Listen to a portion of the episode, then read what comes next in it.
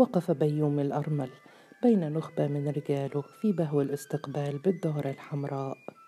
ينظر فيما حوله ويتعجب. ترى هل تفوق سرايا السلطان هذه الدار في شيء؟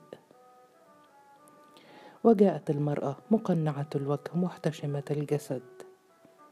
قالت أهلا بكبير الشرطة في دارنا المتواضعة. فقال بخشونة لا شك علمت بالجريمة التي ارتكبت عند عند مدخل دارك. فقالت بتأثر لا تذكرني بها فلم يغمض لي جفن منذ ارتكابها. فقال بحدة لا أصدق كلمة مما تزورين أجيبي على أسئلتي بالصدق. ما اسمك؟ فقالت أنيس الجليس. فقال اسم مريب من أي البلاد جئت؟ فقالت أمي من الهند وأبي من فارس وزوجي من الأندلس. فسألها متزوجة فقالت نعم. وقد تلقيت من زوجي رسالة ينبئني فيها بقرب قدومه. فسألها أتمارسين الدعارة بعلمه؟ فقالت أعوذ بالله إني امرأة شريفة. فهز رأسه ساخرا وما شأن الرجال الذين يترددون عليك؟ فقالت أصدقاء من سادة البلد ممن يطيب لهم الحديث في الشريعة والأدب. فقال لها عليك اللعنة ألذلك افلسوا وتقاتلوا؟ فقالت إنهم كرماء ولا ذنب لي وما كان يصح في آدابنا أن أرفض هداياهم. ولا أدري كيف اندس الشيطان بهم. فقال بنفاذ صبر لدي أمر بمصادرة مالك الحرام. أشار إلى رجاله فانتشروا في الدار ينقبون عن الحلي والجواهر والنقود. في أثناء ذلك لبسا وحيدين صامتين خطف من نقابها نظرات مستطلعة بلا ثمرة. أما هي فلم تجزع. استسلمت للقدر أو هكذا بدت. ثم تساءلت في عتاب. هل أعيش بعد اليوم من بيع أساس داري؟ رفع من كبيه استهانة فأزاحت النقاب عن وجهها قائلة معذرة حر الصيف لا يطاق. نظر بيومي فصعق. لم يصدق عينيه ولكنه صعق. التصق بصره بوجهها فلم يستطع أن يسترده. سبح في بحر الجنون المتلاطم. فقد القوة والوظيفة والأمل. دفن كبير الشرطة بيديه. دفن كبير الشرطة بيديه فانبعث من قبره مائة عفريت وعفريت. دفعته آلاف الأيدي فكاد يتهاوى. لولا سماعه عربدت أعوانه في الحجرات. الرقباء والعيون قادمون أما بيوم الأرمل فقد ضاع إلى الأبد. وعادت تقول متوسلة أسألك المرور يا كبير الشرطة. أراد أن يجيب إجابة خشنة تناسب المقام. أراد أن يجيب إجابة ناعمة تناسب المقام لكنه غرق في الصمت.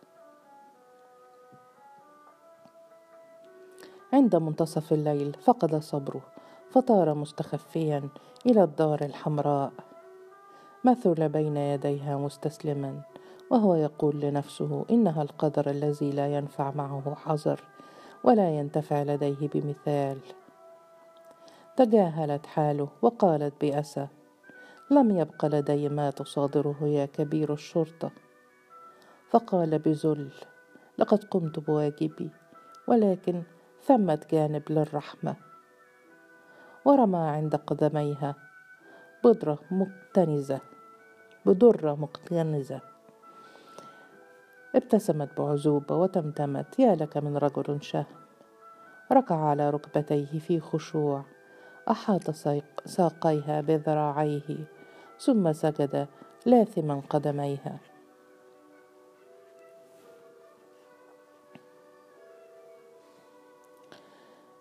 تصاعدت أنات شكوى من مستحقي بيت المال وتهامس كتاب البيت بأن المال لا يصرف في وجهه الشرعي كما أمر الزيني. وبلغت الأنباء الحاكم فبس العيون وشدد المراقبة وكلف كاتم سره الفضل بن خاقان وحاجبه المعين بن ساوي بالتحقيق السري في الأمر. وقرر أخيرا استدعاء كبير الشرطة بيومي الأرمل وقذف في وجهه بالبيانات الصادقة. بدا الرجل مستسلما وغير مبالي.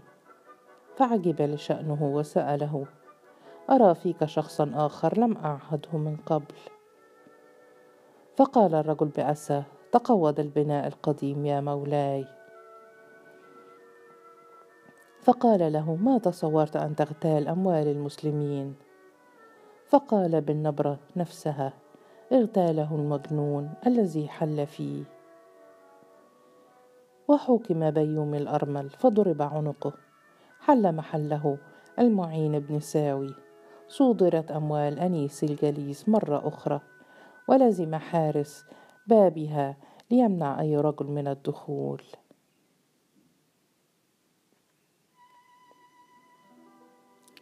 رفع أمرها إلى المفتي ولكنه أفتى بأنه لم تقم بينة شرعية على فسقها.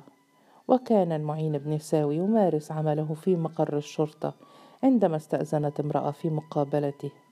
نظر إلى نقابها الكثيف بلا مبالاة وسألها من أنت وماذا تريدين فأجابت بعصبية أنا أنيس الجليس المظلومة فانتبه الرجل إليها باهتمام وسألها بخشونة ماذا تريدين؟ فأزاحت النقاب عن وجهها وقالت صادرتم أموالي. أصبحت مستحقة للصدقة والزكاة. فاكتبني عندك ضمن المستحقات. لم يفقه معنى كلمة مما قالت. نسي أشياء لا تحصى كما نسي نفسه. عبثا حاول أن يستمد من ضميره قوة. زلت قدمه فتردى في الهاوية. سمع صوتها مرة أخرى دون أن يفقه له معنى. أخيرا سألها وهو يلهث ماذا قلت؟ فقالت متجاهلة حاله اكتبني عندك من المستحقات للزكاة والصدقة. تساءل وهو يلقي بتاريخه من النافذة. متى أبعث لك بحاجتك؟ فقالت بدلال سأنتظرك. عقب صلاة العصر.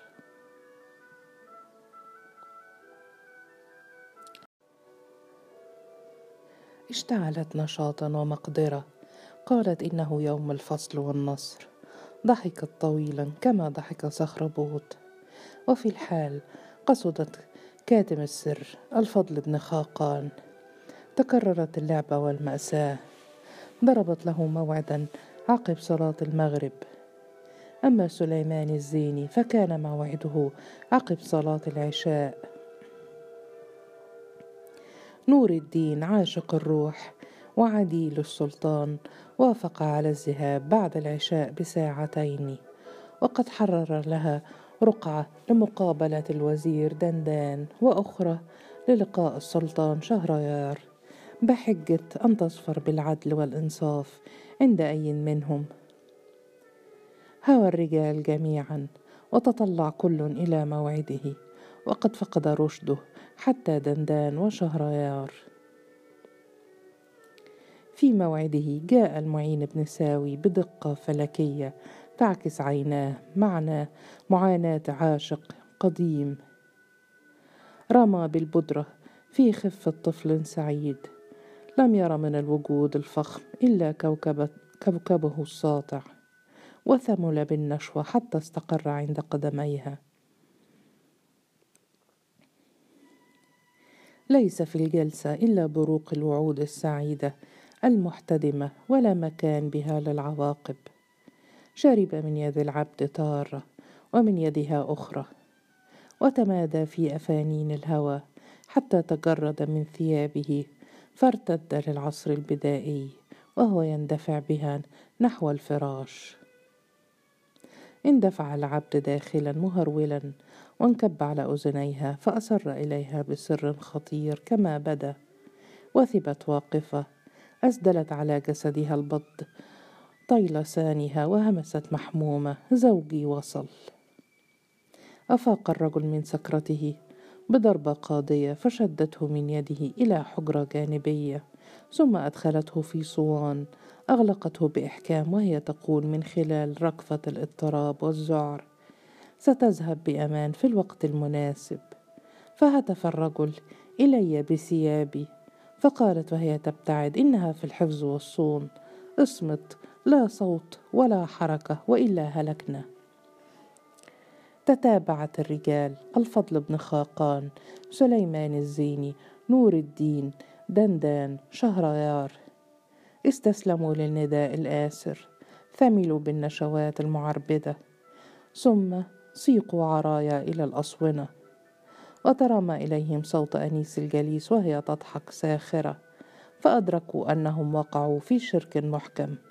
قالت غدا في السوق سأعرض الأصونة للمزاد بما فيها. وضحكت مرة أخرى وواصلت. سوف يشاهد شعب السوق سلطانه ورجال دولته وهم يبايعون عرايا. ولما رجعت إلى البهو رأت أمامها المجنون واقفا في هدوء. انزعجت مرتجفة. ماذا جاء به؟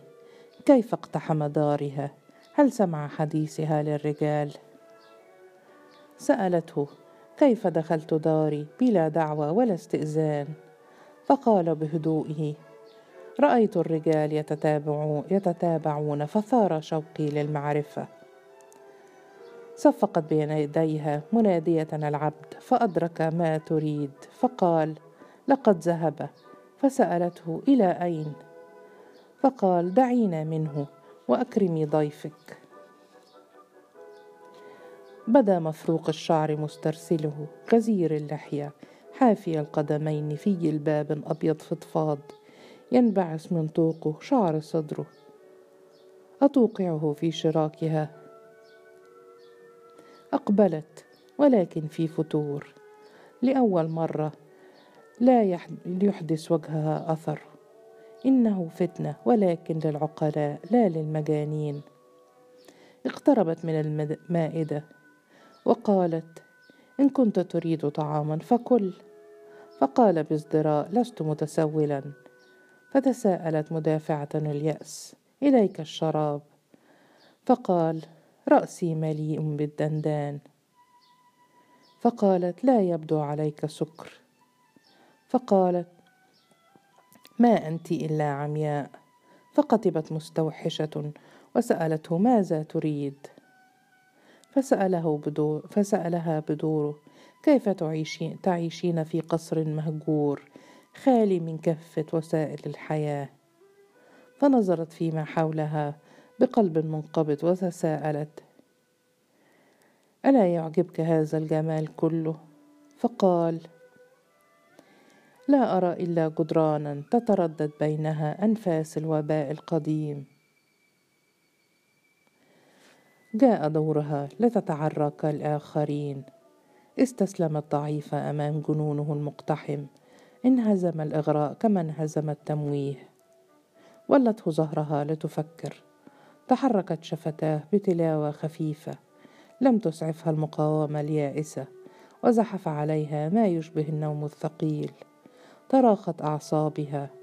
تركت تيار التغير يتدفق. مضت قسمات وجهها تذوب وتنداح. فصارت عجينة متورمة. تقوضت القامة الفارهة. وطارت منها الملامح والرشاقة. بسرعة عجيبة لم يبق منها إلا نقاط منفصلة. استحالت دخانا ثم تلاشت غير تاركة أي أثر. في أعقابها اندثرت الأرائك والوسائد والأبسطة والتحف. انطفأت القناديل فنيت فساد الظلام. حمل ركام ثياب الرجال فقذف بها من نافذة ومضى نحو حجرة الأصونة. قال المجنون يخاطب من في الأصونة؟ لن أعفيكم من العقاب ولكني اخترت لكم عقابا ينفعكم ولا يضر العباد. فتح الأقفال بسرعة ثم غادر المكان. تسلل الرجال من الأسونة في حذر وإعياء يترنحون من الإرهاق. لم يفتح أحد منهم فاه من القهر والخجل. عراة الأجساد عراة الكرامة يتخبطون في الظلام يفتشون عن ملابسهم عن أي ملابس عن أي شيء يستر العورة. الوقت يمضي لا يرحم والنور يقترب والفضيحة تومض في الظلام. جالوا في الظلام يستكشفون المكان بأزرعهم.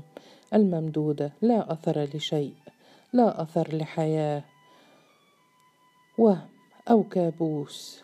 أما الفضيحة فحقيقة. إنه الذل واليأس. واسترشدوا بالجدران نحو الباب الخارجي. ودبيب الزمن يتلاحق. خلفهم وما إن تنفسوا هواء الطريق. حتى تشهدوا. وبعضهم بكى. المدينة خالية. فرصة وأي فرصة؟ انطلقوا حفاة. عرايا في ظلمة الليل. بصقهم المجد وعلاهم الخزي. وكسى الإثم وجوههم بطبقة من القصدير المذاب.